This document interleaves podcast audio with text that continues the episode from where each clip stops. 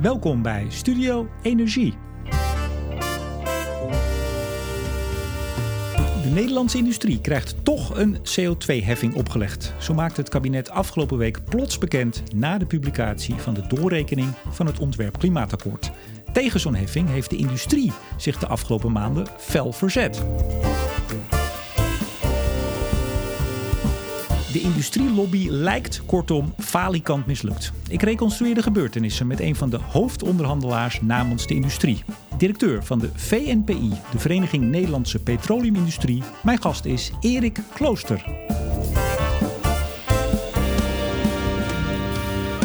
En op deze uitzending wordt weer mede mogelijk gemaakt door energieleverancier De Nutsgroep, Team Energie van Ploem Advocaat en Notarissen en netbeheerder Stedin. Meneer Klooster, hartelijk welkom. Dank u wel. U bent uh, directeur van de VNP, dat zei ik net. Uh, u was ook een van de. U was voorzitter of co-voorzitter van een van de tafels onder de industrietafel. Klopt, klopt. En, en ja. u was in die functie ook weer aan de industrietafel onderhandelaar. Klopt, ik, formeel ben ik het nog steeds, volgens mij. Zeker. Ja. Ja. Uh, maar u bent ook fanatiek supporter van Excelsior. Klopt, klopt. Dit weekend verloren van PEC. Een, een zes-punten-wedstrijd noemen we dat, geloof ik. Ja, hè? ja nee, die draait nog wel na. Uh. Excelsior zakt een beetje richting degradatie. Waar zit u nou meer mee? Het verlies van Excelsior of die CO2-heffing? Um, als je supporter bent van Excelsior, dan, um, dan ben je wel gewend om af en toe te verliezen. Dus, uh, maar dat wil niet zeggen dat de 2-0 van gisteren, die, die dreunt wel behoorlijk na. Um, en ik heb een weekend of, of, een paar dagen de tijd gehad om over die, dat besluit van vorige week na te denken. Dus, maar ik denk toch dat het, het CO2-besluit dat die, uh, dat, dat die meer pijn deed dan het, dan het verlies van gisteren. Op de dag dat die doorrekening naar buiten kwam, dat was vorige week woensdag. Uh, en vooral de persconferentie van het kabinet. Daarna twitterde ik: conclusie: de lobby van de industrie is mislukt. Bent u het daarmee eens? Um, nou, nou niet, niet, helemaal. Um, als je de tekst goed leest, hè, ook van de brief, dan, dan moet er nog veel worden ingevuld.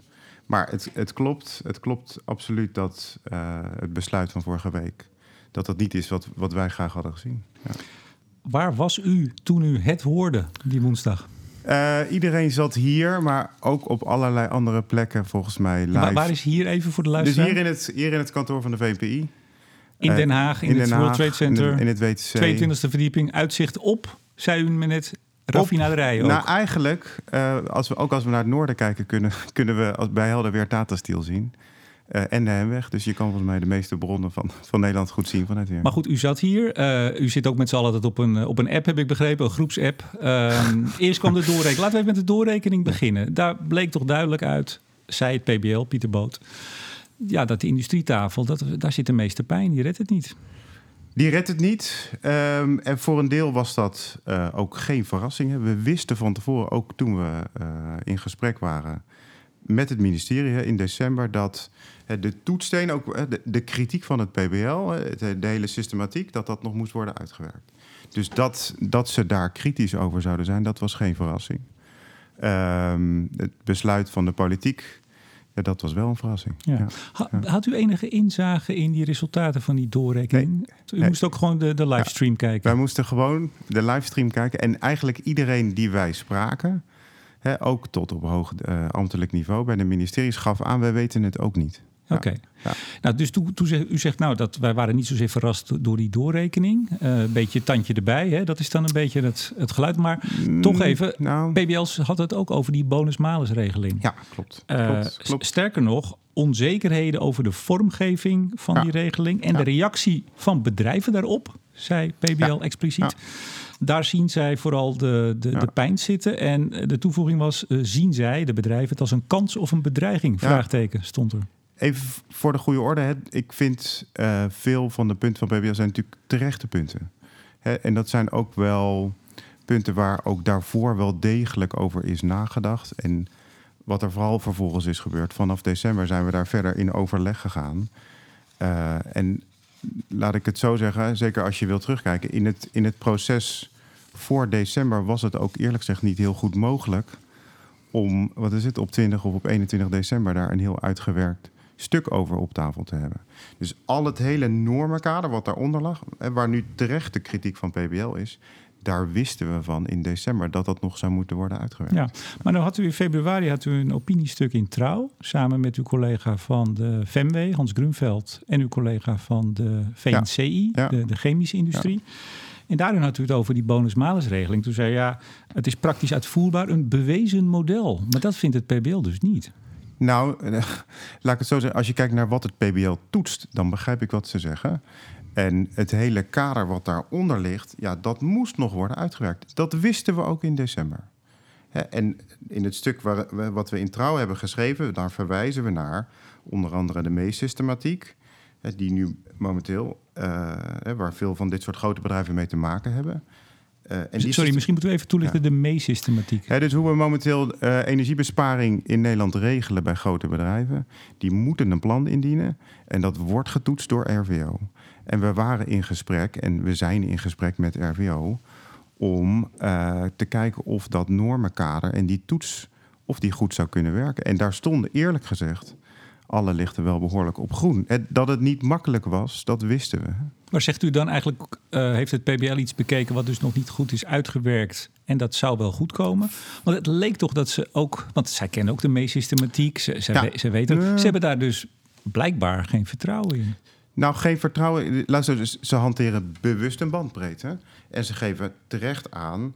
En ik denk dat ze ook een aantal terechte punten aangeven waar wij beter over moesten nadenken. En over waar we, waar we beter over aan het nadenken waren. Dus met name die prikkel van hoe zorg je er nou voor dat bedrijven uh, zoveel mogelijk plannen op tafel leggen. Ik denk dat dat een terecht punt van kritiek van PBL was.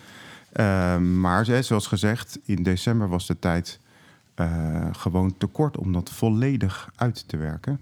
En nou, laat, misschien komen we er zo, maar het, mooiste van die systematiek die we hadden bedacht, waar, waarvan ik ook vermoed dat het, sorry, waar we misschien niet helemaal van af gaan stappen, is dat je dus elk bedrijf in Nederland, of hè, die 300 van die, die 300 grote, dat je die verplicht om hun uiterste best te doen.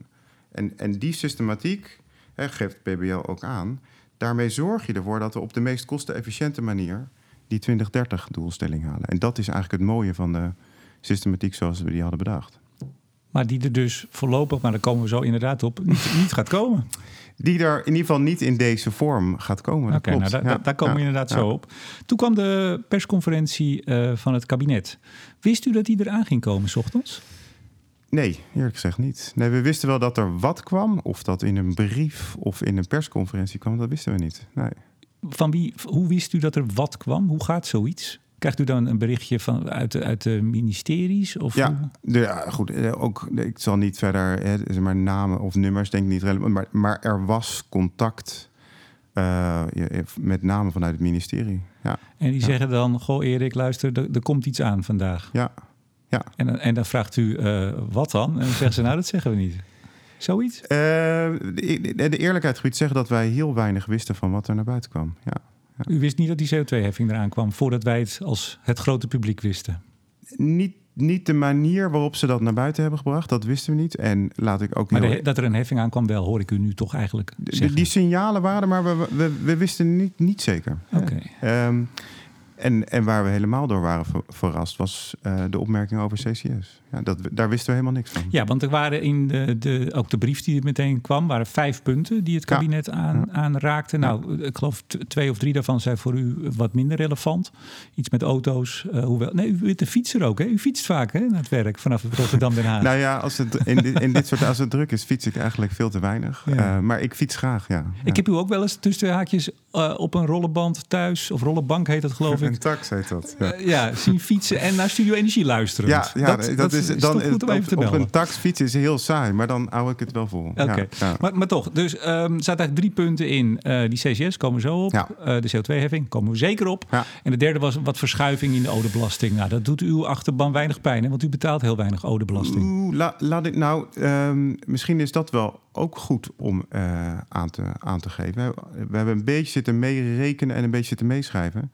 Uh, volgens mij gaan ze naar een twee derde, een derde verhouding. En op de achterkant van een sigarendoos kwam ik uit, maar we weten het nog niet helemaal zeker, op ongeveer een lastenverzwaring van rond de 700 miljoen. Uh, en het is nog niet helemaal duidelijk waar die precies neervalt. Nee. Maar het gaat over het bedrijfsleven breed, dus ook de bakker en de kruidenier. Nee, uh, ik vermoed dat die uh, voor een groter gedeelte naar het energie. Nou, niet het volledige. De vraag is precies: gaat hij bij de tweede, de derde of de vierde schijf terechtkomen? Nou, we kunnen, laten we niet te, te gedetailleerd, maar ongeveer uh, schat RVO dat er dit jaar 1,9 miljard aan SDE uitbetaald moet worden. Dat ja. wordt met de ode gevuld, dat potje. 50-50 was 850, 850 miljoen ongeveer. Daar gaan we vanaf. Ja. Of sorry, 950. Ja. Nou, als dat een derde wordt, dan komt er toch nooit een lastenverzwaring van 700 bij de Jawel, want die ODE die gaat natuurlijk oplopen. Hè? Wat gaat u naar richting 3,2 of 3,4 miljard? Ja u, ja, u hebt het over alle jaren dan, die nog gaan volgen. Oké. Okay. Maar goed, CCS, dat, is, dat was er ook één. Uh, beperking. Uh, het moet geen groene oplossing in de weg staan. Het moet in duur, geloof ik, beperkt worden, staat er. Ik pak het er even bij. Uh, begrenzing van de toepassing van CCS om ervoor te zorgen dat het niet leidt tot ongewenste verdringing van schone technieken en daadwerkelijk wordt ingezet op duurzame transitie. Dat had, dat had Greenpeace kunnen schrijven.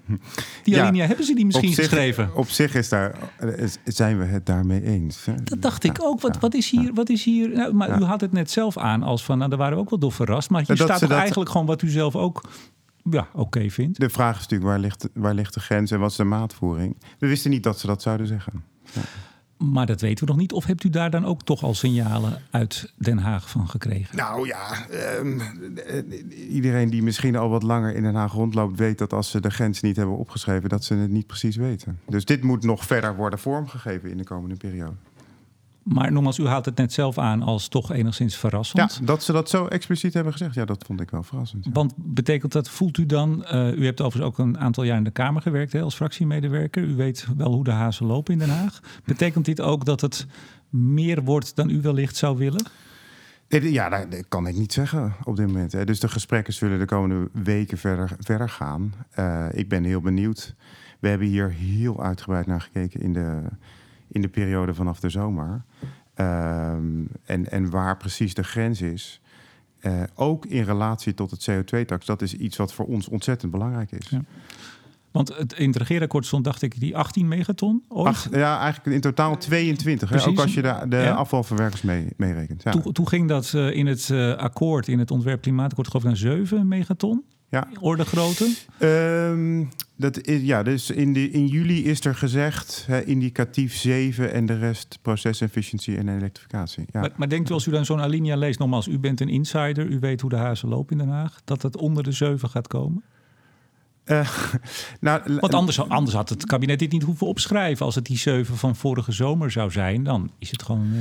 Nou, kijk, hier is natuurlijk ook in de eerste periode heel uitgebreid over gesproken. Voor ons uh, zal het heel lastig zijn om te zeggen: Nou, hè, bedrijven, jullie moeten meer CO2-tax gaan betalen. Hè, dan, er zijn er bedrijven die mij bellen en zeggen: Erik, allemaal leuk en aardig. Maar als dat zo is, dan wil ik wel aan de CCS kunnen. Want dat is eigenlijk de enige optie waarmee ik kan reduceren. Dat zegt de industrie ook al een tijdje. We hebben die CCS absoluut ja. in een flinke ja. hoeveelheid nodig. Anders halen we het niet. Anders haal je het niet. En laat ik zeggen, alle rapporten die ik daarover heb gezien, die geven dat ook aan. Wij hebben daar heel uitgebreid naar gekeken. Ook in hè, wat ze noemen die Joint Fact-Finding CCS. Daar ligt ook nog een stuk onder wat tot op heden niet naar buiten is gebracht. Omdat er geen akkoord op ligt vanuit de Milieubeweging. Maar ik zie niet in uh, hoe je het zonder CCS kan halen. En dat uh, met een behoorlijke hoeveelheid CCS. Ik, ik, pak even terug op het zinnetje hiervoor. Er ligt nog een stuk onder wat nog niet naar buiten is gebracht. Is gebracht omdat er geen akkoord door de milieubeweging op is gegeven. Ja, ja. Welk stuk, wat, waar hebben we het dan over? Ja, dus de Joint Fact-Finding CCS, daar is heel uitgebreid naar gekeken. En daar, ja, daar is, u bent dus samen met de Milieubeweging en alle partijen in de industrietafel... zijn ja. jullie op, op pad gegaan om te kijken van, nou, wat zijn nou de feiten? Wat zijn de feiten? En het, het, het kwam voort uit het bezwaar van de Milieubeweging, die in juni heel uitgebreid naar buiten is gegaan. Hè, onder andere in Trouw, maar ook op NOS. En hebben aangegeven, zij zeiden, wij denken dat CCS eigenlijk uh, te duur is. Hè. Zo, zo stond het volgens mij in Trouw. En het staat groene, echte groene oplossing in de weg. Ja, maar op dat moment was het bezwaar met name, wij, wij vonden het wij vinden het te duur. En dat kwam voort uit een rapport vanuit Greenpeace, uh, wat Calavasta heeft gemaakt voor hun. Dat is een onderzoeksbureau. Ja, nou, wij, zijn daar verder mee gegaan op basis van een onafhankelijke procesbegeleider. En we hebben heel uitgebreid gekeken naar, klopt dat nou of niet? Hè? En kan je dat zo stellen? Uh, mijn analyse is dat je dat niet kan stellen. Het is extreem afhankelijk van met name de elektriciteitsprijs, de elektriciteitsmarktontwikkeling. Hoe zit het met de, uh, met de renewables? Hoe zit het met de gridemissiefactor? En hoe zit het met het naar beneden brengen van de kosten van met name uh, elektrolyse. Maar, maar, begrijp ik nou goed dat in de Joint Fact-Finding missie, het, het feiten naar boven halen, daar is dus geen eenduidig. er, is, er staan verschillende opvattingen bestaan er over de feiten. Zullen we het zo zeggen? Um, wat, je, wat, wat wel naar buiten is gebracht is een 1 A4'tje met de hoofdconclusies. ja, daarin staat zowel groen als in dit geval blauwe waterstof kan goedkoper zijn in 2030. En dat was het belangrijkste argument van de milieubeweging wat ze op tafel hebben gelegd. Um, maar het onderliggende stuk, wat, wat begeleid is door een onafhankelijk proces begeleid, daar is geen akkoord op. Nee. En dat vind ik jammer. Maar dat betekent dus. En even misschien voordat het verkeerde beeld ontstaat. Uh, de milieubeweging die kon zich niet vinden in een aantal van de uh, modelscenario's zoals we die hebben berekend tot dat moment. En was vooraf afgesproken dat als een van de partijen eh, het er niet mee eens was, dat dan de hele joint fact-finding eh, resultaten van de missie niet naar buiten zou gaan? Kijk, in het hele proces, het hele proces was natuurlijk gebouwd op consensus. Dus kijk, het staat hen vrij om te zeggen wij, wij kunnen ons niet vinden in wat hier staat. Maar dan dus- is het toch aan, aan andere partijen in zo'n missie vrij om het wel naar buiten te brengen? Um, de hoofdconclusies van wat daar is besproken is, is naar buiten gebracht. Uh, ik denk dat het wel goed is hè, als je kijkt naar de bezwaren van de milieubeweging. En je, uh, de directeur van Greenpeace heeft ook gezegd: laten we wachten tot 2025. En als het dan niet lukt, laten we dan starten met CCS. Ja, als het niet lukt om voldoende te reduceren. Ja, hè? Dat, ja. ja. met onder andere opties als groene waterstof. Nou, ik wil zeker niet overkomen als hè, de, de klassieke fossiele industrie die, die uh, laten we zeggen, conservatief is. Maar wij hebben daar heel uitgebreid naar gekeken en wij denken oprecht dat dat niet kan. En ik denk dat het goed is dat hier bijvoorbeeld het PBL nog eens uitgebreid naar zou kunnen kijken. Maar uh, nogmaals, u, het staat u toch vrij om dat te openbaren? Of mag, mag het niet? Het mag wel, maar we zitten nog uh, in dat proces. En ik denk dat dit een van de punten is die we nog heel goed zouden moeten kunnen bespreken. En PBL, een rol voor PBL, is dat een, u zegt dat is, het zou goed zijn, maar gaat dat gebeuren? Ik denk dat... Pieter Boot luistert vast mee. Nou, ik hoop het, laat ik het zo zeggen. Ja. De CO2-heffing, ja. uh, die kwam ook ineens uit hooggoed. Nou, u had dus een aanwijzing dat er iets aan kwam. U zit op die, uh, op die bekende industriegroeps-app. Wat waren de eerste reacties? Uh, zegt u het maar gewoon ongefilterd. Toen duidelijk werd, we krijgen hem toch aan de broek. die, die, bekende groeps-app van de industrie, daar worden vooral nou, berichten in de media gedeeld. Dus ik moet eerlijk zeggen dat ik niet eens helder heb wat er die dag op die app uh, rondging. Maar uh, wat ik in het begin zei, nee, de, de stemming was uh, één, we zijn verrast. En, en ook met name de manier en de wijze waarop ze het naar buiten hebben gebracht, die heeft ons die heeft ons wel verrast. Ik, be, ik, begrijp best dat u niet gaat zeggen dat Piet of Kees of, of Marie of uh, uh, dat en dat heeft gezegd. Maar ik kan me toch wel voorstellen dat het niet was. Oh jeetje, wat krijgen we nu? Ik, uh, dit was een schok. Dit was een schok, zeker weten. En nee, daar, daar, daar, ga ik ook helemaal niet. ga ik ook geen doekjes om winnen. En we zaten de volgende dagen in verschillende gremia bij elkaar. En ik denk dat de centrale uh, nou, het centrale gevoel wat je hebt en wat mensen mij ook vertellen is... De industrie heeft in december ja gezegd tegen een aantal maatregelen. En uh, in tegenstelling tot het beeld wat er heerst, was dat echt niet een pakket maatregelen waar, waar bij ons nou de vlag over uitging. Daar zat wel degelijk pijn in voor een aantal bedrijven.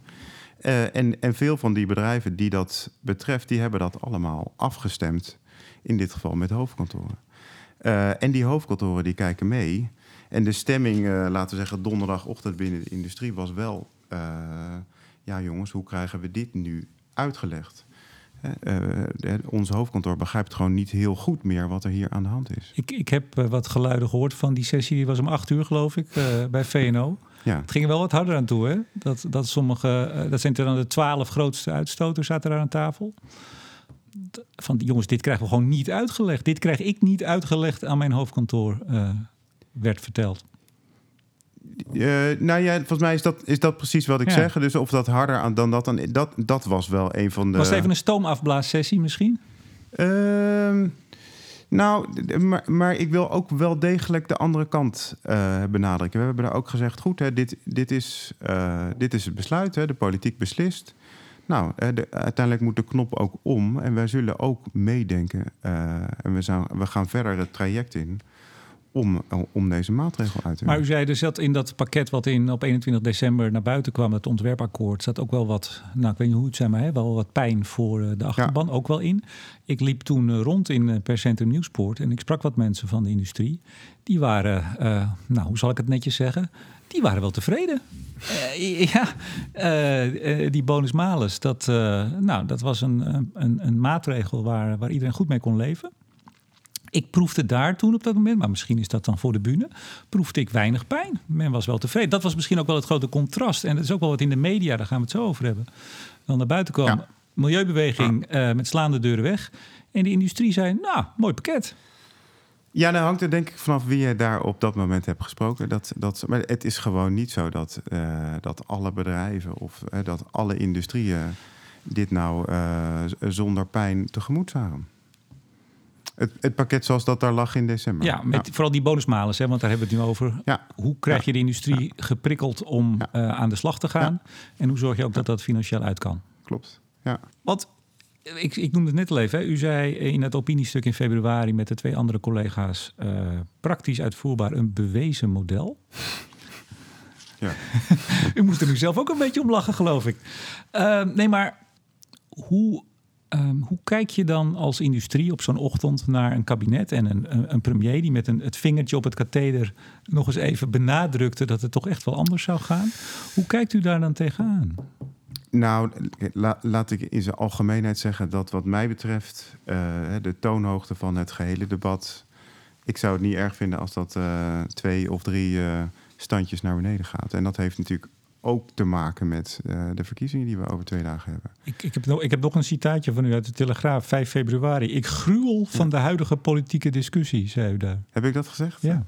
Maar de Telegraaf heeft opgeschreven dat u dat gezegd nee, hebt. Ja, kijk, dat, Partijtje dat, doen een wedstrijdje wie de stoerste CO2-heffing kan verzinnen. Ja, ik, ik moet zeggen, dat, dat, ik, zo ervaar ik dat. En of dat nou de beste quote van mij ooit was, dat, dat weet ik niet. Maar uh, ik ben, ik, ik hou wel echt van de inhoud. Uh, en ja, daar lijken we wel behoorlijk ver van af te zijn gedreven. En dat, ik zie dat wel met leden ogen aan. Ook een CO2-heffing, het is ontzettend ingewikkeld. En de reden dat wij op dit systeem zijn uitgekomen, dat, dat is omdat ook een heffing is ontzettend ingewikkeld om moeilijk vorm te geven. Uh, hè, daar zitten een aantal ontzettende grote risico's aan, hè, waaronder het weglekken. Kijk naar het CE Delft-rapport wat op die tafel Leg hem heel even uit, weglekken. Ik kreeg toevallig gisteren nog of vanochtend nog een, vraag op Twitter aan iemand. Die zei, wat is nou dat weglekken? Ik lek niet, zei iemand, maar wat is dat? Het weglekken, en dat, dat staat, uh, vind ik, heel mooi beschreven in het, in het CE Delft-rapport... wat laten we zeggen, eind november of mid-november aan de industrietafel is besproken. En wat is in opdracht gemaakt in van de industrietafel? Van het, of nee, van het ministerie? in opdracht van het ministerie. Van ja, maar wel om ter ondersteuning van het proces aan de industrietafel. Uh, ja, dat denk ik wel. Dat moet je denken eigenlijk aan hun vragen. Maar ze hadden die opdracht al in april gegeven en uiteindelijk is het in november besproken. Uh, en daar blijkt, daar blijkt heel duidelijk uit: we hebben in Nederland drie à vier ontzettend energie-intensieve sectoren. Uh, dan heb je het over uh, de staal, dan heb je het over de kunstmest, dan heb je het over uh, de industriële gassen, dat zijn de waterstofproducenten, en dan heb je het over de raffinage. Die sectoren zijn niet alleen ontzettend energie-intensief, maar die zijn ook nog ontzettend gevoelig voor concurrentie. Um, en wat gebeurt er nou op het moment dat je in Nederland alleen een heffing invoert? Dan stijgen hun productiekosten. Bij een aantal van die sectoren is de ruimte ook maar ontzettend weinig. Zie ook het PwC-rapport wat afgelopen woensdag naar buiten is gebracht. En doordat de kosten stijgen, kunnen ze minder goed concurreren. En dan zie je dat met name het marktaandeel van deze sector al vrij snel afneemt. Dat, en dat wordt dan opgevuld door bedrijven in het buitenland. En dat is de weglek. Dus fysieke activiteit, fysieke productie let, lekt letterlijk weg naar andere landen. Want die, ook die twaalf grote, die hebben bijna allemaal, behalve Shell, het hoofdkantoor niet in Nederland. En die kijken gewoon, nou, wat kost het daar, wat kost het daar, iets maar meer dit is, nog, productie. dit is nog niet eens hè, wat vaak ons wordt verweden van... eh, ja, jullie roepen dat je weggaat. Dit is niet weggaan. Hè, wij gaan dan niet weg. Wat er gebeurt is... eh, je, bent, eh, je kan 20% minder produceren en die productie die wordt Ja, je schroeft het terug. Je, je, ja, je bent noodgedwongen omdat je duurder bent, kan je minder goed concurreren. En dat wordt dan ingevuld door, ehm, door bedrijven elders. En kost dat dan ook banen? dat kost ook banen. hè. Kijk, Echt waar?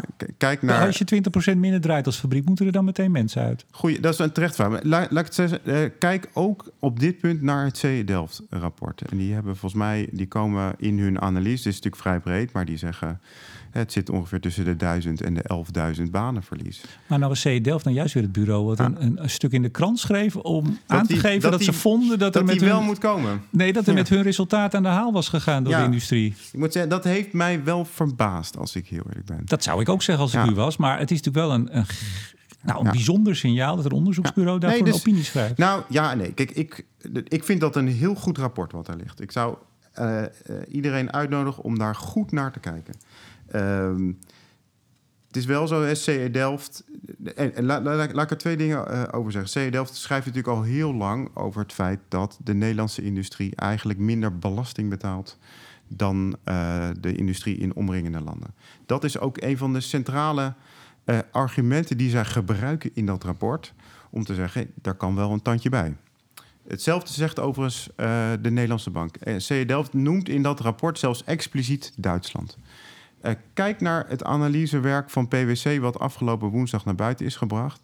Dat zegt, nou, in de praktijk zit het veel genuanceerder. Je hebt allerlei eh, bedragen die bedrijven weer, toe, weer, weer terugkrijgen. Je kan dat niet zo stellen. Overigens was heel weinig aandacht voor het PwC-rapport. hè? Ja, dat komt omdat het niet met een grote ronkende persconferentie naar buiten is gebracht. Ehm, Ja, u glimlacht, maar, maar is dat... Want ik, ik zie uw tweets wel eens voorbij komen. Ja, en u, ja. hebt, u hebt daar moeite mee, hè? Dat Ik sommige heb hele- rapporten eh, wel veel aandacht krijgen. En dit soort rapporten voor, voor u even ontlastend, zeg nou, ik dan maar. heb of- daar, nou, daar moet ik wel helemaal niet lamentabel over dat soort dingen doen. Maar het verbaast mij wel. Laat ik en dan maak ik even... dat, eh, heet, eh, dat is een understatement, hè? Een beetje het Britse understatement wat u wel hebt. Maar dan maak ik even, de- maak even C- CE Delft maak even af. En wat, wat staat daar nou in? En ik denk dat dat ook belangrijk is voor heel veel mensen, eh, ook in de route voorwaarts. En ook waarom we uiteindelijk, eh, wa- waarom bijvoorbeeld Manon Jansen zegt... een CO2-tax is niet de beste oplossing. De voorzitter van de industrie. De voorzitter van de industrietafel. Hè, wat blijkt daar nou uit? Ehm, volgens mij uit mijn hoofd eh, een heffing wat oploopt richting 43 euro per ton. Kom je uit op 0,9 megaton CO2-reductie. Dat is ontzettend weinig. Maar bovendien, je hebt potentiële weglek tussen de 0,4 en de 2,7 megaton. Dat is CO2-reductie die eh, eigenlijk gewoon verdwijnt. Eh, Die, die gaat naar het buitenland. En de vraag is dan, als het buitenland dat doet, krijg je daar niet meer voor terug. Hoe komt het, denkt u... En als ik zeg even tegen de luisteraars dat u af en toe wat van achter naar achter gaat bij de microfoon... en ineens klinkt u weer wat harder. Dat, dat zeg ik even. Oh. Als ze denken van, hé, hey, wat, wat gebeurt daar? Maar, maar dan maak ik even nog CE Delft nu af. gaat u weer naar achteren. Blijf een beetje bij de microfoon. Dan maak ik even. C- Toen ik dat rapport zag op tafel, eh, zei, dacht ik letterlijk van nou, eh, daarmee zal de discussie wel beslecht zijn. Want als je daar naar kijkt, dan is het een maatregel die potentieel niet ontzettend veel doet voor de CO2-reductie, maar potentieel wel ervoor zorgt dat je weglekt hebt. Maar een interessante vraag is dan wellicht... ook na het PwC-rapport van eh, afgelopen woensdag... kwam natuurlijk ook wel op een dag naar buiten... dat er nog wel wat dat er andere nog aandacht wat was. anders nieuws was. Maar ehm, u zegt, nou, ik dacht, nu is de discussie wel beslecht. Dat is dus niet zo. Nee, dus wat is de nee. waarde dan van dit soort rapporten? Ja, kijk, ehm, vind ik moeilijk om aan te geven. Ehm, ik, ik blijf me wel verdiepen in dit soort rapporten. En ehm, ik voelde mij wel gesterkt in, in, de, in de analyse. Ook hè, wat u net zegt, hè, de, de, de, de au- auteurs zelf van CE Delft... die schrijven in een opinieartikel dat je het wel moet doen. En ze gebruiken daar twee argumenten in dat stuk.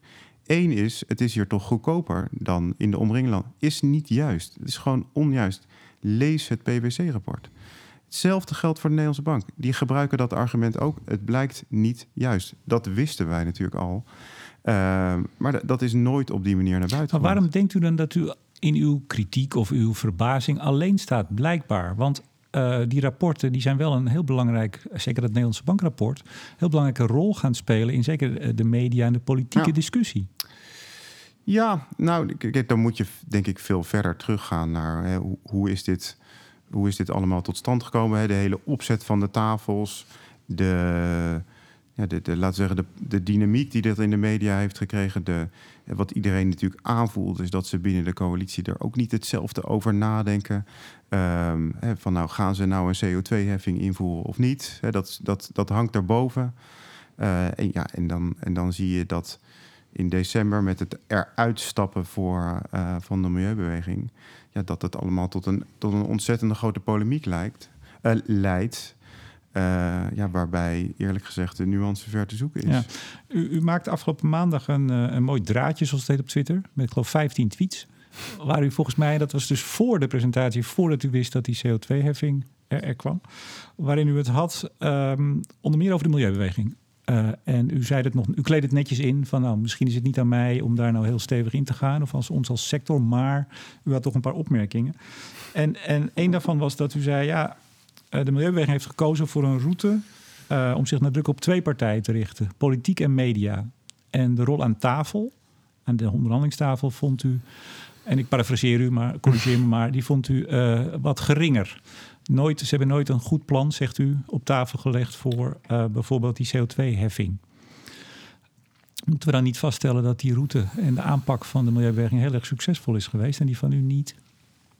Uh, ja, wellicht. Uh, ja, misschien, misschien. En de, vraag is, waar staan we over vier of vijf maanden? Maar da, daar, daar komen we zo op. Maar even tot, tot nu. We steken nu even de pijlstok in nou, het En dat is ook wel... Um, nou, het, het gevoel wat, wat enigszins overheerst, natuurlijk aan de, aan binnen de industriekant. Wat is er gebeurd na de zomer? Uh, toen is er heel hard gewerkt aan een oplossing vanuit de industrie die paste binnen de politieke grenzen. Uh, ik kan allerlei oplossingen bedenken die buiten dat politieke speelveld liggen. Uh, en daar zijn we vanaf augustus, september heel hard mee aan de slag gegaan. Uh, de milieubeweging, en ik bedoel, ik, ik, probeer altijd zo netjes mogelijk te doen, want het is niet aan mij om daar ontzettend veel kritiek op te hebben.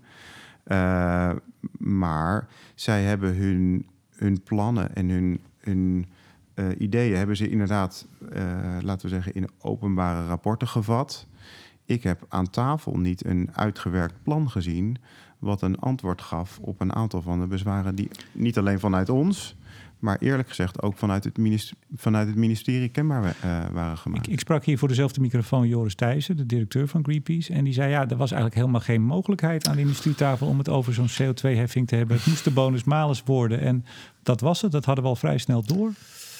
Kijk, dat hij dat zegt, hè, dat, dat begrijp ik. Maar klopt het? Uh, of dat klopt, kijk, het, wat er aan de tafel is gebeurd, is ik denk niet dat wij uiteindelijk degene waren die overtuigd moesten worden dat was in eerste instantie het ministerie met op de achtergrond de politiek.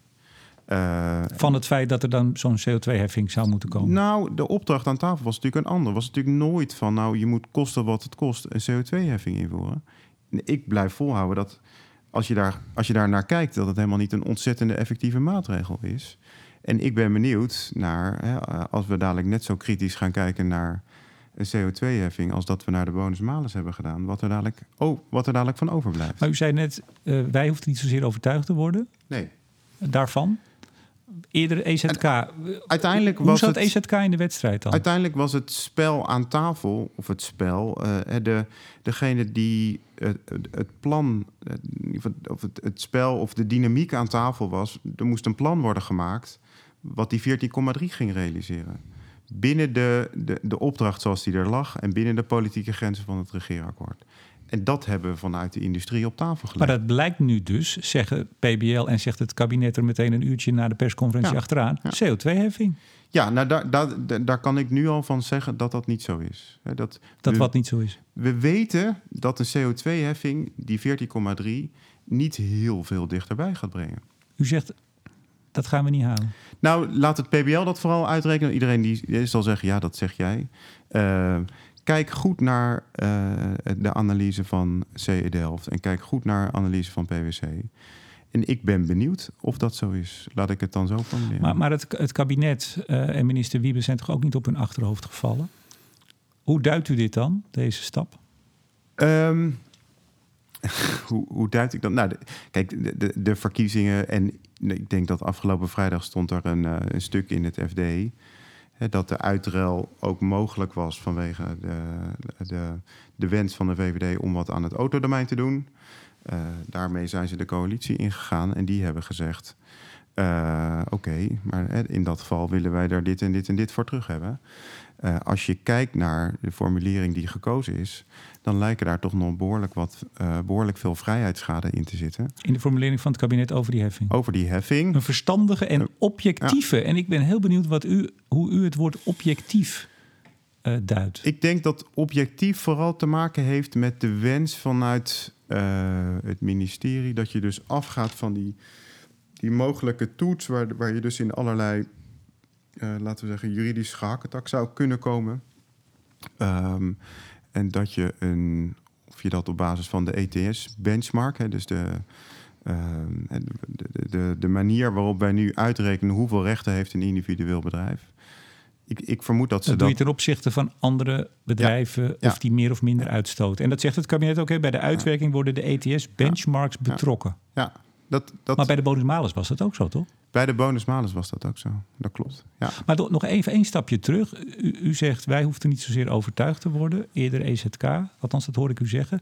Op welke lijn zat EZK? Op de bonus of de CO2-heffing? Nou, ik, kijk, uh, um, EZK is niet altijd heel uh, duidelijk te vangen om te zeggen van nou. Uh, zitten ze op deze of op deze route? Wij hadden wel de indruk dat hun voorkeur niet lag bij de heffing, ook vanwege het CE Delft-rapport.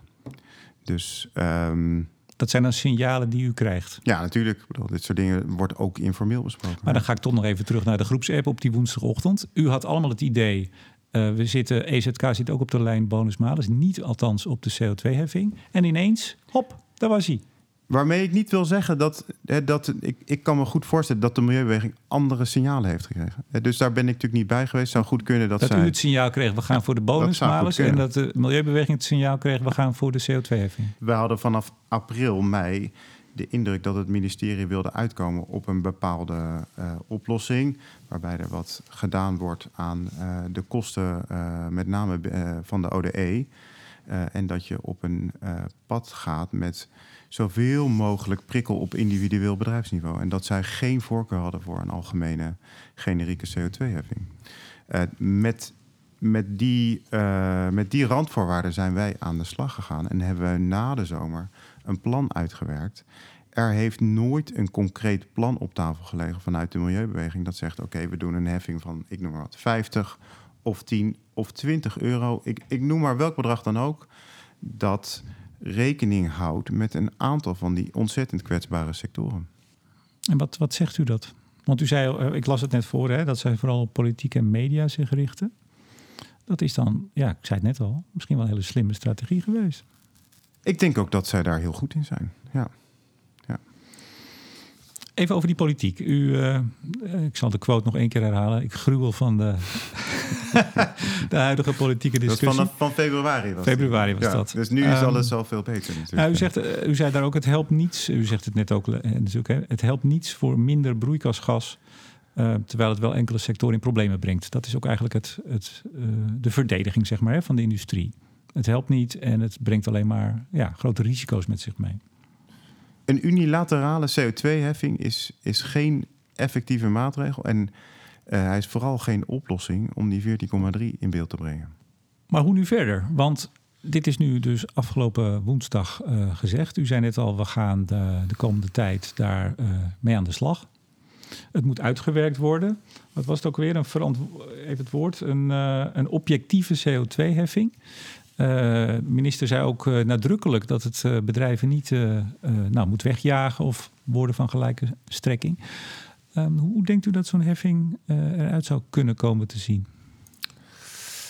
Um, nou, dat, ik vind dat nog niet zo ontzettend makkelijk. We hebben natuurlijk de afgelopen vijf dagen daarover over nagedacht. En donderdag hebben we ook vanuit de industrie wel gezegd: goed, hè, dit, dit is wat er ligt. We gaan natuurlijk meewerken om te kijken of hier een, een goede oplossing uit kan komen. Want dat, dat willen wij natuurlijk vanuit de industrie ook graag. Maar, maar even toch, waarom werkt u eigenlijk mee? Want u zou kunnen zeggen, luister, wij hebben ons gehouden aan de opdracht van de tafel.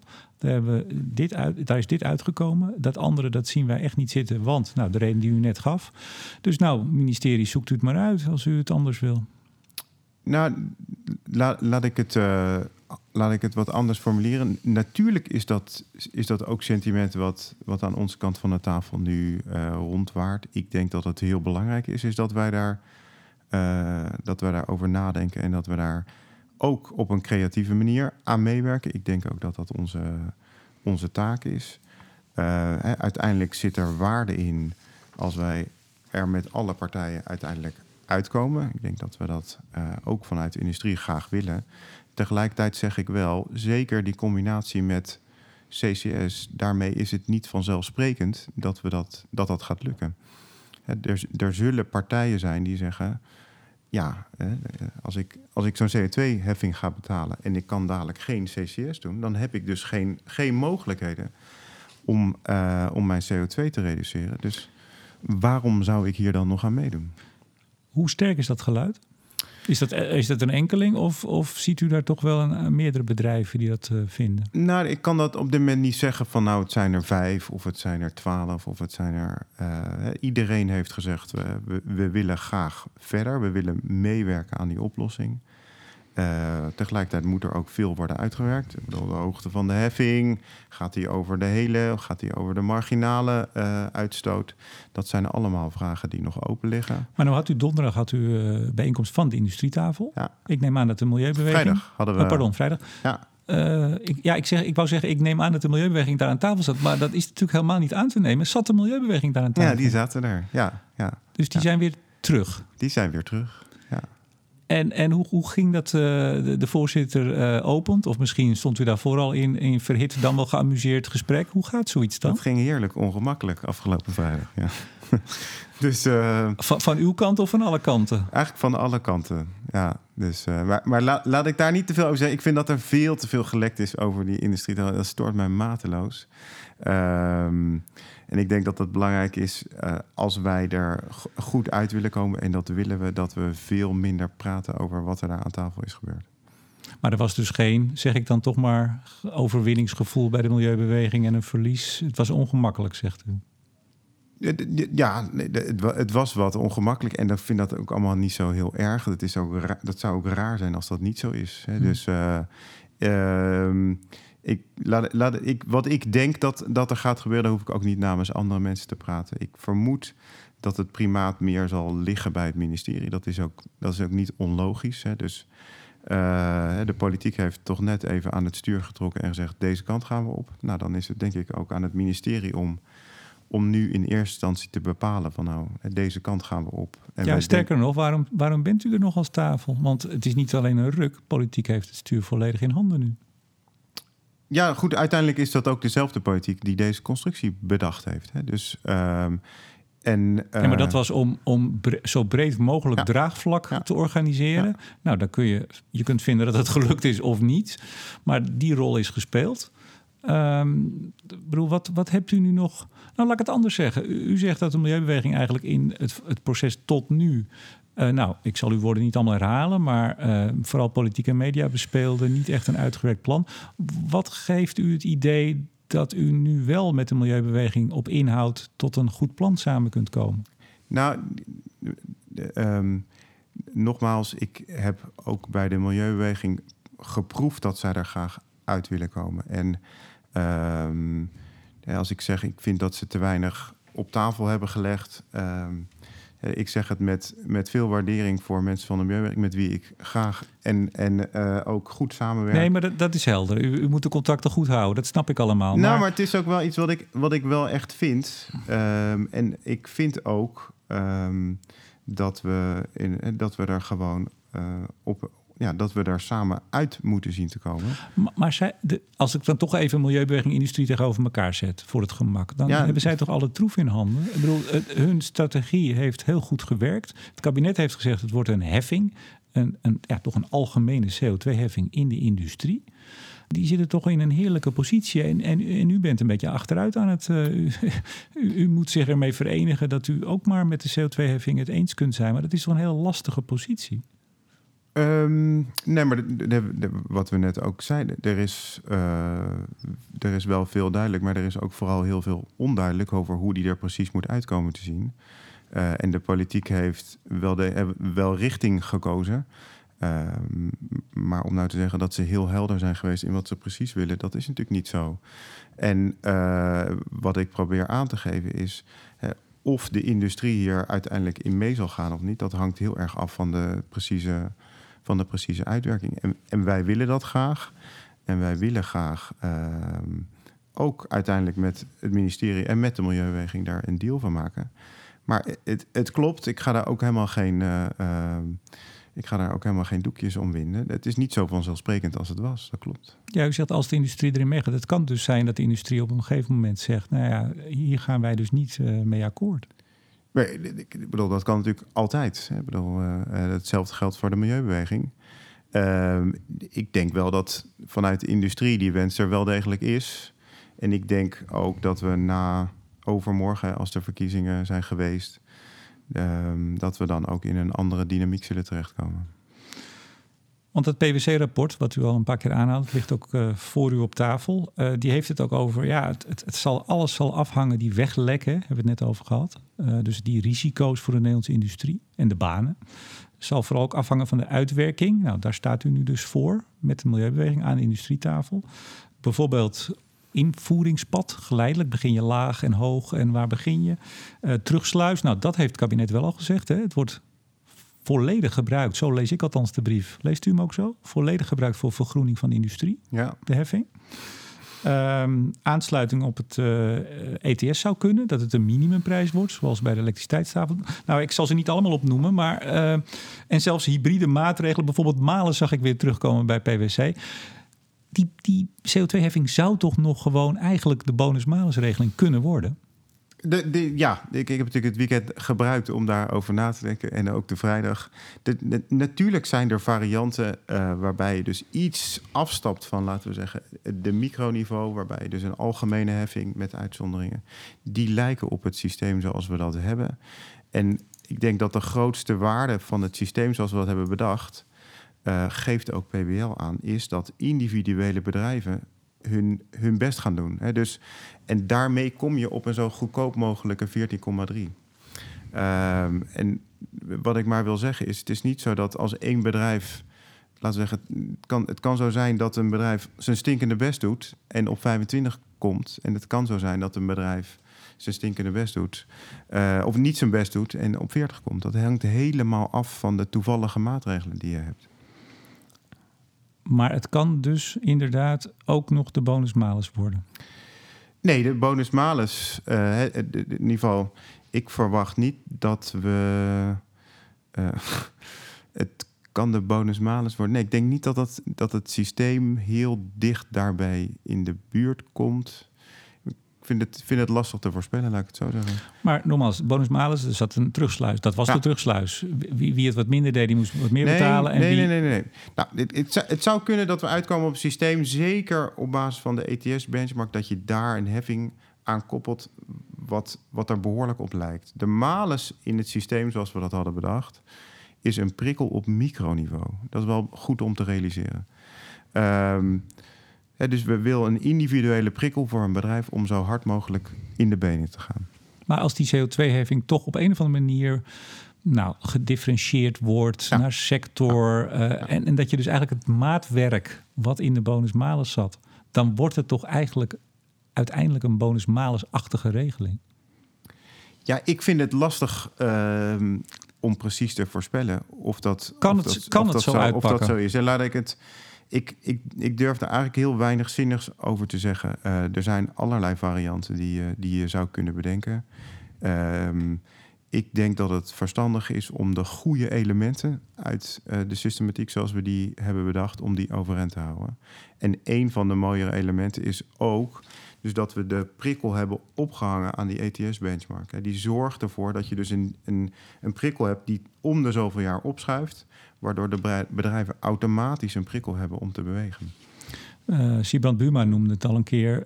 de CO2-heffing zou ook voorwaardelijk kunnen zijn. Dan heb je ook alweer een bonus-malus. Ja, ja, maar dat is dus anders dan dat je hem op microniveau inricht. Ja. Dan heb je in feite een voorwaardelijke heffing die je, als je je best doet of dat je het goed doet, dat die vervalt. Ja, en dan zijn we dus bij de bonus-malus. Ja, ik, ik weet niet of je dat een bonus-malus noemt. Ehm, ja.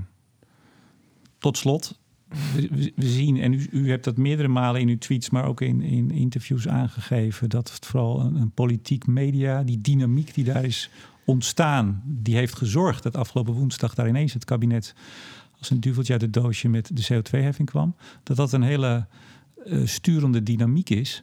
Uh, en misschien maakt het straks wel niemand meer uit hoe die regeling er nou precies uitziet. En kan die wel heel erg lijken op de bonus-malus. Hij heet nu Heffing. Iedereen is blij. GroenLinks sprak, was in, Jesse Klaver was zeer dankbaar voor de gevulde hand die was uitgestoken. En die pak je dan, zei hij. Dus het lijkt uh, eindgoed al goed. Meer lastenverschuiving naar de industrie, minder naar de burger. En nu krijgt een heffing. En iedereen is blij. Um, ja, eh, goed. Um, en nogmaals, ja, ik, ik val in herhaling als ik zeg er moet nog veel worden uitgewerkt. Um, goed, ik heb de, de, dynamiek natuurlijk gezien. En uh, ik denk dat dat wel voor een groot gedeelte van invloed is geweest op het besluit zoals we dat hebben gezien. Ik ga wel weer graag terug naar de inhoud. Dat was eigenlijk mijn voornaamste, voornaamste punt. Ja. Maar misschien moeten we vaststellen dat de inhoud u tot nu toe, althans als industrie, niet gebracht heeft wat u er misschien van hoopt. Nee, dat klopt. Dat klopt. Ja. Telegraaf zei ook 5 februari. Ik hoop dat de reden terugkeert in de discussie. Ik, ik heb zo'n vermoeden dat u dat nog steeds vindt. Ja, nee, dat, maar ik blijf het wel hopen. Ja, dat lijkt me ook heel goed. Eh, en een CO2-heffing, het is echt ook met terugsluis. Dat zijn maatregelen. Dat is niet ontzettend eenvoudig om dat goed in te richten dus er wordt dan heel vaak gezegd: ja, de Nederlandse bank geeft dat ook aan. Doe dan een heffing met terugsluis. Maar hoe je dat dan terugsluist, nou, ook daar had ik graag een plan gezien. Dat is niet zo ontzettend makkelijk. Maar daar gaat u nu aan meewerken om dat uit te werken. Ja. ja. Erik Klooster, directeur van de VNPI, de Vereniging Nederlandse Petroleumindustrie. Hartelijk dank voor het gesprek. Graag gedaan. Bedank ook deze week weer energieleverancier De Nutsgroep Team Energie van Ploemadvocaten en Notarissen en Netberen Stedin voor het mede mogelijk maken van deze uitzending. En uiteraard bedank ik jou, beste luisteraar, voor het luisteren. Mijn naam is Remco de Boer. Graag tot volgende week.